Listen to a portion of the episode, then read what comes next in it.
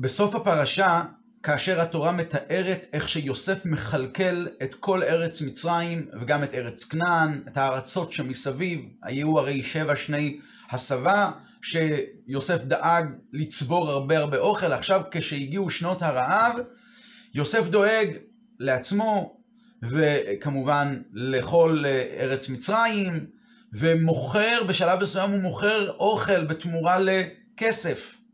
ואז כאשר הכסף מסתיים, וילקט יוסף את כל הכסף הנמצא בארץ מצרים, ובאו אנשי מצרים ורצו אוכל, אז יוסף מוכר להם את האוכל בתמורה לסוסים, לחמורים, וייתן להם יוסף. לחם בסוסים ובמקנה הצאן ובחמורים, וינהלם בלחם בכל מקניהם בשנה ההיא, הוא ניהל אותם כמו שצריך בשנה ההיא באמצע, בעקבות זה שהם היו זקוקים ל- ללחם. כך נאמר בתורה בסוף פרשת ויגש. כשרש"י מעתיק את המילים וינהלם, מה זה וינהלם בלחם בשנה ההיא, אז רש"י מעתיק את המילה וינהלם, והוא מפרש ככה, כמו וינהגם, ודומה לו, אין מנהל לה, על מי מנוחות ינהלני. זאת אומרת, רש"י בפשטות רוצה לפרש את המילה וינהלם. זו מילה שהיא לא כל כך נפוצה בחומש. לכן רש"י מביא הוכחות לפירוש שלו, שיש מקומות נוספים שבהם המילה וינהלם היא במשמעות של להנהיג, וינהגם. כאילו נאמר, רש"י למעשה כותב ואומר, כמו וינהגם, כאילו כתוב כאן וינהגם בלחם בשנה ההיא. אבל השאלה שנשאלת היא, אנחנו יודעים שרש"י כותב את הפירוש שלו בעבור פשוטו של מקרא, בעבור ילד שלומד, שלומד בין חמש למקרא. בין חמש למקרא כבר פגש את המילה וינהלם. לא בדיוק במילה, באותה צורה, אבל במשמעות של לנהל. כתוב שכאשר יעקב מנסה להתחמק מהבקשה של עשיו, שעשיו מזמין אותו לבוא להר שעיר, אז יעקב אומר, אתה אדוני יודע כי הצאן והבקר עלות עליי והילדים רכים, ודפקום יום אחד ומתו כל הצאן אם אנחנו נלך מהר מדי זה יהיה מסוכן, ולכן אני אתנהלה לאיתי, אני אבוא לאט לאט. אז רגע, מה זה המילה ואני אתנהלה לאיתי? רש"י לא מסביר. זאת אומרת שרש"י מבין שהפירוש אני ינהיג את כולם לאיתי, לאט לאט אנחנו נגיע בסופו של דבר להר שעיר. אז אם רש"י באמת חשוב לו להסביר את המילה לנהל, שפירושו כמו להנהיג, רש"י כבר היה צריך להסביר את זה על פרשת, בפרשת וישלח. ושאלה נוספת, אחרי זה רש"י מביא שתי דוגמאות. דוגמה אחת היא מישעיה, שם כתוב אין מנהל לה, וההוכחה השנייה היא על מי מנוחות ינהלני, שזה פסוק בתהילים. בנו דשא ירביצני על מי מנוחות ינהלני. למה רש"י מביא דבר ראשון? שתי הוכחות, מספיק הוכחה אחת. אתה רוצה להסביר שאין מנהל, הכוונה היא אין מנהיג? אז הנה הפסוק הראשון. האמת היא שהפסוק הראשון הוא קצת ב, אה, בסגנון שלילי, אולי היה כדאי להביא רק את הפסוק השני, על מי מנוחות ינהלני, שזה פסוק חיובי, אבל מעניין, אתה מביא, רש"י, אתה מביא את הפסוק בישעיה. לפני, הפסוק הזה הוא בישעיה נ"א. בישעיה מ"ט מופיע ממש אותו דבר. על, ועל מבועי מים ינהלם. הנה. אגב, המילה ינהלם הרבה יותר מתאימה למה שנאמר אצלנו. וינהלם בלחם בעת ההיא. אין מנהל לה, הפסוק בישעיה נ"א, הוא פסוק עם קצת רחוק יותר מהמילה וינהלם. אין מנהל, ואילו כאן ממש נאמר, לא יצמאו ולא ירבו וכולי וכולי, השם, הקדוש ברוך הוא דואג להם, ועל מבועי, ועל, כך נאמר, ועל מבועי מים ינהלם. הנה פסוק מפורש יפה מאוד, שהוא גם במשמעות חיובית, למה רש"י לא מביא את הפסוק הזה. וגם מעניין שכשהוא מביא את הפירוש הראשון, את הפירוש שלו, אז הוא אומר כמו וינהגם, אוקיי, כמו וינהגם, הוא לא אומר לשון וינהגם, אלא כמו וינהגם, אז הוא מביא ודומה לו, כאילו יש פסוקים שהם קצת דומים. מה הפסוקים? אין מנהל לה, ועל מי מנוחות ינעלני. שני הפסוקים האלה הם רק דומים, או שהם, או שהם פירוש ממש אותו דבר כמו המילה וינעלם. ואם זה רק דומה, אז לא צריך להביא את זה, כי זה דומה, זה לא ממש. בקיצור, מה קורה כאן בפירוש רש"י הזה?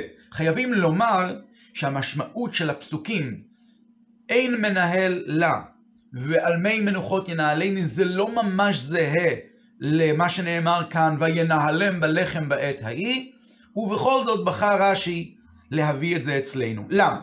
אז נקודת ההסבר היא כזו. רש"י כתב את הפירוש שלו בלשון הקודש. ומילה שנפוצה בלשון הקודש, רש"י לא צריך לבאר. רש"י הוא לא מתורגמן שמתרגם את הפסוקים לארמית או לצרפתית. רש"י כותב פירוש בלשון הקודש, ובלשון הקודש, אם הלומד מבין את הפירוש של המילה, אזי רש"י לא צריך להסביר. ולכן, כשרש"י מגיע לפסוק בפרשת וישלח, ואני אתנהלה לאיתי, הפירוש הוא מאוד מאוד מובן. אני יוביל בעצמי את עצמי ואת הילדים ואת כל הבקר והצאן, אני אלך לאיתי לאט לאט עד שאני אבוא אליך עשיו. אז המילה אתנהלה היא פירוש מאוד מאוד מובן. אצלנו מתחילה, אצלנו מתחיל רש"י ואומר יש לי כאן קושי. כתוב כאן וינהלם בלחם. אה, אפשר לנהל עם לחם? אפשר להוביל? אם אני אומר שפירושו של המילה לנהל זה להוביל, כמו ואני אתנהלה לאיתי, אז וינהלם בלחם, הוא הוביל אותם בלחם? איך מובילים בלחם באמת? לכן רש"י צריך דבר ראשון להסביר, כמו וינהגם. זה מה שרש"י אומר. כאן רש"י אומר, צריכים לחדש, וינהלם זה לא מלשון הובלה להוביל ממקום למקום, אלא זה מלשון להנהיג. יוסף הנהיג אותם בשנה ההיא בלחם, בכל ענייני הלחם, הוא הנהיג אותם. ורש"י אומר, כמו וינהגם. רש"י מתכוון כאן לפירו, לפסוק בתהילים ע"ט. שם כתוב, וינהגם כעדר במדבר. זה פסוק יחיד בתנ"ך שמופיע המילה וינהגם, ולכן רש"י לא צריך להגיד את כל הפסוק בשלימותו. רש"י אומר, וינהגם כמו וינהגם. התלמיד יודע או הוא ידע בהמשך, שאין פסוק נוסף שנאמר עליו המילה וינהגם. כוונתו אבל של רש"י היא שההובלה, ההנהגה של יוסף בשנה ההיא את כל אנשי מצרים זה היה כמו, ש... כמו וינהגם, כמו וינהגם כעדר במדבר. הפירוש של הפסוק וינהגם בעד כעדר במדבר זה לא סתם שהוא הוביל אותם הקדוש ברוך הוא הוביל את עם ישראל כמו עדר במדבר, לכיוון ארץ ישראל. לא, לא זה הכוונה. אלא הכוונה וינהגם כעדר במדבר, כמו רועה שמוביל עדר במדבר. רועה שמוביל עדר במדבר צריך לדאוג להם לכל צורכיהם, לכל ענייניהם, בצורה של מתמסרות מיוחדת מאוד, שכל הצרכים שלהם יינתנו לעדר בצורה הכי טובה, כי זה מדבר, אין מקום, אין מישהו שיעזור יותר מאשר הרועה. כי הם לא יכולות, הצאן והבקר לא יוכלו להסתדר לבד. וינהגם הקדוש ברוך הוא בתהילים ע"ט, דוד המלך שר ואומר וינהגם כעדר במדבר, הקדוש ברוך הוא הנהיג אותם, את עם ישראל, כמו עדר במדבר. אומר לנו רש"י אצלנו, שיוסף כאשר היה המצב במצרים שויתום הכסף, נגמר הכסף, וכל באו, ובאו אנשי מצרים וביקשו לחם, וצעקו ללחם, ואמר להם פרעה כל אשר לא יאמר לכם יוסף תעשו, ואז יוסף קונה אותם ומנהל אותם, אז אומר הפסוק וינהל, דבר ראשון אומר הפסוק, הוא קנה את הסוסים ואת הבקר ואת הצאן ואת החמורים, הכל, ובסופו של דבר גם את גוויותיהם ואדמותיהם. וינהלם בלחם בעת ההיא. הוא ניהל את ההזנה הזאת בצורה מיוחדת מאוד, בצורה יוצאת דופן, על ידי שהוא חישב את החלוקה הזו של הלחם לפי המשפחות, לפי מה שצריך, כדי שיהיה מספיק לשנה שלמה, ולא ניצל את כל הלחם בבת אחת, כמו להבדיל מה שהיה כשהמשחררים האמריקאים באו לשחרר את אושוויץ, אז הם נתנו מיד, ואז זה היה לא בסדר לכל הניצולים, כמו שהסיפורים המפורסמים, שמעתי גם מסבתי עליה השלום. כאן מדובר, וינהלם, יוסף יודע שהמצב הוא קשה, ויש רעב בכל הארצות ובארץ מצרים, ואין כסף לקנות, ובכל זאת הוא מנהל, מנהל אותם בלחם בעת ההיא. אומר רש"י, כמו וינהיגם, רש"י מתכוון, כמו וינהיגם כעדר במדבר. ככה ממש, זה הכלכלן האמיתי, יוסף הצדיק, שדואג לבני האדם שנמצאים במצרים ועושה את תפקידו בצורה הכי מיוחדת.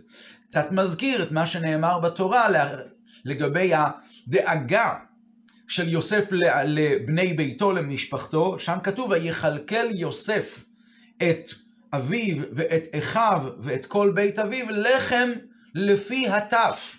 רש"י מסביר מה פירוש לחם לפי הטף, שהחישוב של יוסף היה עד הפרטים הקטנים, כולל הטף, שהטף בדרך כלל נוהג לפורר את הלחם, גם אל החישובים האלה יוסף הגיע ודאג גם לזה, וככה הוא גם נתן לבית אביו ולמשפחתו, שהוא ידע, כאשר יש טף במשפחה, צריך לתת קצת יותר. וזה מתאים ממש עם כל התפקוד של יוסף בעת ישנות השובע, שהוא דואג ומשגיח שהתבואה לא תירקב ותישמר בצורה נכונה, וייתן אוכל בערים, אוכל שדה העיר אשר סביבותיה נתן בתוכה. יוסף היה לו אה, אה, תכנון שלם שהעפר ששייך לעיר הזו, היא זו שהיא, הוא העפר שיכול להעמיד ולשמור את פירות העיר ההיא. וכך הלאה והלאה, אנחנו שוב רואים עד כמה שיוסף מנהל את העניינים עד הקצה האחרון בצורה יוצאת דופן. זה מה שרש"י אומר, שהפסוק בא ואומר, וינהלם בלחם. אומר רש"י, וינהלם כמו וינהיגם. כמו וינהיגם, רש"י מתכוון לפסוק, כמו וינהיגם כעדר במדבר. עכשיו מעניין, התרגום אונקלוס הוא מתרגם אחרת. הוא כותב, וזנינון בלחמה. לפי התרגום אונקלוס, הוא חלקל אותם בלחם. אבל רש"י לא צריך להסביר שזו הכוונה. כי הרי הפסוק כבר אמר מקודם, וייתן להם יוסף לחם בסוסים ובמקנה הצאן ובחמורים. הפסוק בו בא ומוסיף, וינהלם בלחם בעת ההיא, אם הכוונה היא וינעלם ויזינם, הוא הזין אותם, אז הפסוק כבר אמר מקודם. רש"י אומר לא, וינהלם, הפסוק בא ומחדש, כמו וינהיגם, כמו שמדובר כאן בהנהגה יוצאת מהכלל, יוצאת דופן. אבל מכיוון שהמשמעות של המילה וינהלם כאן היא לפי זה לא במשמעות של לנהל במובן הרגיל, לכן רש"י צריך להביא הוכחות ודוגמאות שבהוכחות האלה אנחנו נראה שהלשון ניהול היא לא מופיעה במובן הפשוט של להוליך את הזולת או להוליך אה, צאן ובקר ממקום למקום, אלא מדובר כאן בניהול מיוחד, וינהלם, יש מקומות שהמילה ניהול פירושו ניהול יוצא דופן. לכן רש"י אומר, ודומה לו, אין מנהל לה. הפסוק בישעיה נ"א אומר, שגם שיש מצב שעם ישראל, כלל ישראל, שוב אנחנו רואים שמשהו שהוא לא רק הובלה ממקום למקום, אלא ניהול, הנה, הנה לנו שהמילה ניהול משתמעת במובן הכללי. אין מנהל לה, אין מנהל במשמעות הכללית חלילה לעם ישראל. אין מישהו שינהיג אותם בהנהגה הנכונה. עכשיו לפי זה דווקא הפסוק הזה הוא פסוק טוב, כי הפסוק הזה, בניגוד לפסוק בישעיה מ"ט, מה הוא אומר שם בישעיה מ"ט? ועל מבועי מים ינהלם. אז שם שאלנו לכאורה, הפסוק הזה הוא הרבה יותר טוב והוכחה הרבה יותר טובה. אבל שם אי אפשר להשתמש בפסוק בישעיה מ"ט כדי להביא הוכחה שמדובר כאן בניהול יוצא דופן וגם ניהול כללי. למה? מה נאמר שם? הפסוק אומר, שהקדוש ברוך שם בישעיה מ"ט, שהקדוש ברוך הוא ידאג לעם ישראל, וידאג להם בצורה יוצאת דופן. לא יצמאו ולא ירעבו ולא יקם שרב ושמש, לא יהיה להם שום מחסור, כי, ואז הוא אומר, כי מרחמם ינהגם, ועל מי, ועל מבועי מים ינהלם. זאת אומרת, הפסוק אמר כבר מקודם, שהקדוש ברוך הוא מרחמם, בורא עולם, השם שמרחם עליהם, ינהיגם, אז הוא כבר ינהיג אותם, ינהגם, ועל מבועי מים ינהלם, ועל מבועי מים ינהלם, הוא יביא אותם למקום של מים, ולכן לא ירעבו ולא יצמאו. אז שם כנראה הפירוש ועל מבועי מים ינהלם, שהוא ינהל אותם במובן הרגיל, של להוליך מישהו, או להוליך, כמו שמוליכים צאן ובקר למקום מים, ועל ידי זה הם יכולים לשתות, ככה הקדוש ברוך הוא ינהל אותם, יוביל אותם למקום של מעיינות מים, ולכן הם לא ירעבו ולא יצמאו. ולכן רש"י לא הביא את הפסוק אה, אין, אה, אה, לכן רש"י דווקא, למרות שיש כאן איזשהו משהו שלילי, רש"י מביא דווקא את הפסוק בישעיה נ"א, ולא את הפסוק שקודם לו מישעיה מ"ט. ומה נאמר בישעיה נ"א? אין מנהל לה, שכאן זה במשמעות כללית, במשמעות כללית מאוד על כלל ישראל, ולכן זה הרבה יותר יכול להשתמע שגם כאן יוסף מנהל אותם בצורה כללית, בצורה מאוד מאוד מיוחדת, בצורה כללית, ובד בבד בצורה של התמסרות מאוד מאוד מיוחדת. אגב, לפי זה אפשר גם להבין למה רש"י לא מביא פסוקים קודמים יותר לישעיה ולתהילים. נאמר בפרשת בשלח, נהלת בעוזך אל נווה קודשך. למה רש"י לא מביא ששם הכוונה היא נהלת בעוזך, הנה ניהול כמו וינהלם בלחם בעת ההיא, כי שם מדובר באמת בניהול במובן הזה של אל נווה קודשך. איך הפסוק אומר מקודם? נחית וחסדך עם זו גאלת, נחית פירושו הנהגת אותם בחסד את העם זו שאיתו, שאותו גאלת ממצרים, וניהלת בעוזך, לקחת בעוז, בגבורה, וניהלת אותם אל נווה קודשך. שם מדובר כנראה בהובלה במובן הגשמי, להביא אותם אל נווה קודשך. ולכן זאת לא אה, הוכחה טובה, ורש"י מחויב ללכת הלאה לתהילים ולישעיה ולתהילים. עכשיו, למה הוא באמת מביא את הפסוק בתהילים? אם הפסוק אין מנהל לה הוא פסוק עם הוכחה טובה, למה הוא צריך להביא פסוק נוסף? מסתבר שגם הפסוק אין מנהל לה הוא לא ממש דומה לענייננו. למה? כי באמת, שם באמת לא מדובר בלהוליך ממקום למקום, אבל הרי מדברים על עם ישראל, מדברים על ארץ ישראל, מדברים על הנהגת המדינה, ולכאורה כשמוליכים אין מנהל לה, אין מי שינהיג את העם. יש להנהיג, יש להנהיג צאן ממקום אחד למקום שני, ויש להוביל את העם, ולהוביל אותם זה גם סוג של הובלה. הובלה במובן הזה שאיפה המדינה צועדת, איפה העם צועד, איפה הארץ צועדת. היא לאו לא דווקא שהיא צועדת ממקום א' למקום ב', אבל הכוונה היא שהיא מתקדמת. איפה, יש כאן מישהו שמוביל. אז לכן יכולנו עדיין לומר שאין מנהל לה, הכוונה היא אין מוביל, אין מי שמוביל את, את עם ישראל. ולכן זאת לא הוכחה ברורה לענייננו, שוינהלם בלחם בעת ההיא, בשנה ההיא, שפירושו שהנהגה מאוד מאוד כללית, אבל ביחס לעניין ספציפי, ביחס לעניין של מזון. שם מדובר באיזה משהו כללי שיכול גם להתפרש במובן של הנהגה. זה נכון, אז לכן רש"י מסויג וכותב דומה לו. כלומר, באמת נכון, אם תסתכל לעומק, אין מנהל לה, הכוונה היא אין מי שינהיג בצורה ספציפית על כל הפרטים ועל כל העניינים, אבל עדיין זה יכול גם להתפרש בסוג של הובלה כזו, הובלה כמו הובלה ממקום למקום, ככה גם מהובלה ממצב למצב. ולכן רש"י אומר, אני אביא את הפסוק השני, על מי מנוחות ינהלני, הנה כאן הביטוי לנהל, ושזה מצביע על הנהגה מאוד מאוד כללית, להנהיג בצורה מאוד כללית, אבל על ענייני מים, על מי מנוחות, על ענייני שתייה, על מי מנוחות ינהלני. אבל ההוכחה הזו מעל מי מנוחות ינהלני היא תבוא רק אחרי, אחרי הפסוק אין מנהלה. אחרי שאנחנו רואים מאין מנהלה. שהמילה ניהול יכולה להשתמש במובן הכללי והרחב, ולאו דווקא הולכה ממקום למקום, אז אני מבין שעל מי מנוחות ינהלני מאוד יכול להיות שהקדוש ברוך הוא ינהיג אותי וינהל אותי בכל הפרטים של מי מנוחות, בענייני שתייה, כל מה שצריך, אז לכן אז ההוכחה היא טובה. לולי, לולי הפסוק הראשון, אין מנהל לה, יכולנו לומר שהפסוק על מי מנוחות ינהלנו הוא לא פסוק כל כך אה, אה, מוכיח. ולמה? כי על מי מנוחות ינהלנו זה סוג של משל כזה לכלל צורכי האדם. שצורכי האדם יבואו בצורה כמו שהפסוק פותח ואומר, השם רועי, לא אחסר, אה, כל מחסורי יהיה באמצעות השם שהוא רועי, הוא רועה שלי, והוא בנאות דשא ירביצני, מרביץ אותי, שם אותי במקום של נאות דשא, ועל מי מנוחות ינהלני, מנהל את כל צרכיי בצורה טובה. אז יכולנו לחשוב שלאו דווקא שמדובר כאן על שתייה כפשוטו, על מזון כפשוטו, על להזין בצורה, בצורה מיוחדת ובצורה כללית ופרטית כאחד.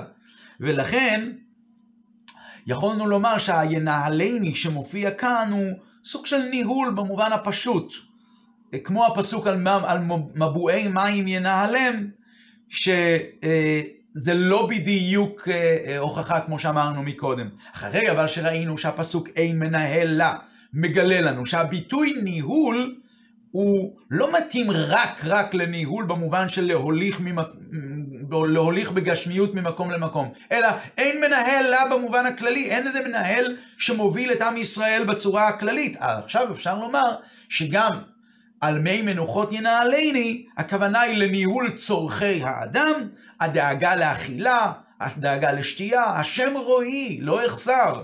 בנעודה שירביצני, על מי מנוחות ינהלני נוהג, נוהג בי ומנהיג אותי כעדר במדבר, ונותן לי את כל צרכיי בענייני אכילה ובענייני שתייה. אז רק בחיבור שני הפסוקים האלה יחדיו, אז אנחנו מקבלים איזשהו דמיון, אבל זה עדיין דמיון, לפסוק שנאמר אצלנו, וינהלם בלחם בעת ההיא, שלסיכום, המילה וינהלם כאן, היא לא מופיעה בהקשר של ניהול גשמי של הולכה, או בהקשר של איזשהו ניהול מדינה ממקום, ממקום למקום או ממצב למצב, אלא כאן מדובר בניהול כללי, אבל בקשר לענייני מזון, לענייני כלכלה, וזה מה שעשה יוסף. הלך וניהל אותם בצורה מאוד מאוד כללית.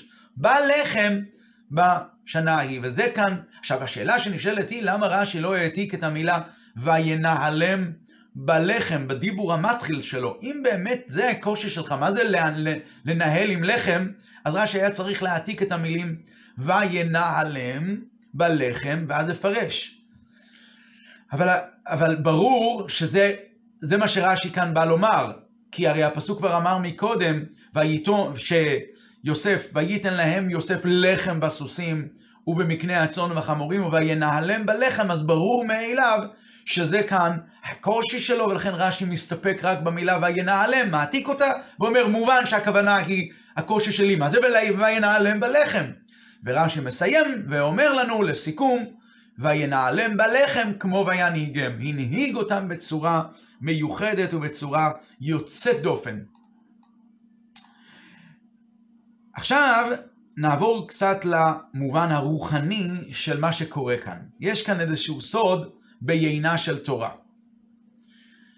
יש מאמר של בעל התניא בספר תורה אור, שם הוא מסביר את המילים וילקט יוסף את כל הכסף הנמצא בארץ מצרים ובארץ רעמסס ובארץ כנען, ויבא יוסף את הכסף ביתה פרעה.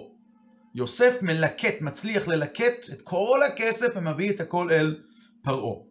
בעל התעני אדמו"ר הזקן מסביר שמדובר כאן במשהו רוחני נעלה ועמוק מאוד, מבוסס על דברי הזוהר, ואני אנסה להסביר את זה ממש בקצרה.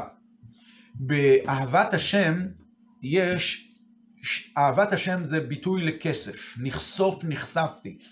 נחשוף נחשפתי זה כיסופין, כיסופין זה גם מלשון אהבה וגם מלשון כסף. עכשיו יש שני סוגי אהבה כלליים, יש כמה וכמה סוגי אהבה, אבל בגדול יש שניים. יש אהבה שהיא תוצר של התבוננות. בן אדם מתבונן בשכל שלו, ועל ידי ההתבוננות בגדולת השם, ברוממות השם, הוא מקבל אהבה להשם. זה אהבה שהיא יותר שייכת לנפש הבעמית, שזה באמצעות שכנוע שכלי עמוק, ובאמצעות הסברים לוגיים עמוקים, בן אדם מתעורר לו באהבת השם לבורא עולם. מתבונן בבריאה, מתבונן בגדלות הבורא וכולי. ויש אהבה שהיא לא תוצר של התבוננות, אלא היא אהבה טבעית. אהבה שהיא קיימת אצל כל יהודי ויהודי מצד הנפש האלוקית שלו. בשפת התניא זה נקרא אהבה המסותרת. היא מסותרת, היא לא נמצאת בצורה גלויה באדם, אבל היא קיימת. היא קיימת ובטבע שלה, בטבע של הנשמה יש לו געגועים ורצון להתקרב לקדוש ברוך הוא, שהרי הקדוש ברוך הוא הוא השורש, ויפח באפיו נשמת חיים, מתוכי נפח, מתוכו ומפנימיותו. הנפש האלוקית היא בתוכיות של הקדוש ברוך הוא כביכול. ואז בתוך תוך הנפש האלוקית קיימת לה אהבה עצומה לבורא עולם. אבל האהבה הזו כאמור היא אהבה מוסתרת, היא אהבה נעלמת, ועל ידי ההתבוננות גם מצליחים לעורר את, את האהבה הזאת ומביאים אותה מההיעלם אל הגילוי. עכשיו, שני סוגי האהבה האלה, אהבה על ידי התבוננות והאהבה המסותרת הטבעית, שתיהם, יש להם דמיון לתבואה. יש תבואה שהיא צומחת באמצעות הזריעה. ויש תבואה שהיא לא צומחת, זה נקרא ספיחים. ספיחים הם גדלים מעליהם. זה לא מהזריעה הנוכחית, זה כנראה מאיזושהי זריעה קודמת, שנפל משהו מסוים, נפל איזשהו כמה זרעים, ומפעם פעם, ועכשיו זה בחר להצ... להצמיח, זה נקרא ספיחין. זה נוגע להרבה מאוד הלכות, למשל ספיחי שביעית, שלא זרעו אותם עכשיו, אלא כנראה זה צמח כבר מפעם, זה הגיע מאיזושהי זריעה קודמת יותר, וכולי. בכל אופן, יש לנו שני סוגי צמיחה. צמיחה שעל ידי זריעה רשמית, וצמיחה של ספיחין. זה שתי אהבות. אהבה שבאה על ידי התבוננות, היא דומה לתבואה שצומחת על ידי זריעה, לעבוד ולהתבונן, ואז בסוף מגיעה אהבה. ויש איזושהי אהבה שהיא דומה לספיחים, שפתאום היא כאילו באה מעצמה. כי האהבה הזו היא כבר נזרעה כבר בנפש, כבר זרעו בתוך הנפש אהבה לקדוש ברוך הוא. מי הזורע? הגנן. מי הוא הגנן? אומר הזוהר באריכות, זה זוהר מעניין, ובעל התניא מסביר את זה באריכות במאמר שלו, בספר תורה אור. הגנן הוא יוסף, יוסף הצדיק, כמו שנאמר, אור זרוע לצדיק, אותו אור שהקדוש ברוך הוא ברא ביום הראשון, והעולם, היה לא, והעולם לא היה כלי, והוא לא היה יכול להכיל את האור הזה, ואז האור הזה, הקדוש ברוך הוא גנזו, וגנזו לצדיקים. הצדיק אור זרוע לצדיק, באמצעות הצדיקים, ובפרט באמצעות יוסף הצדיק, שהיה בחינת יסוד, יסודו של עולם, הוא נותן וזורע את האור הזה לגינה. למק... מה זה הגינה? הגינה זה מקור נשמותיהם של עם ישראל, איפה שהשורש, איפה שהנשמות, איפה שהגוף הזה שנקרא נשמה, הנשמות, אוצר הנשמות הכללי של עם ישראל, נקרא כנסת ישראל, ומשם הנשמות האלה יורדות ויורדות ויורדות מאותו מקום נעלה, מאותו גוף גדול שנקרא אוצר הנשמות. ולתוך אוצר הנשמות הזה, לגינה הזו, זורע יוסף את האהבה.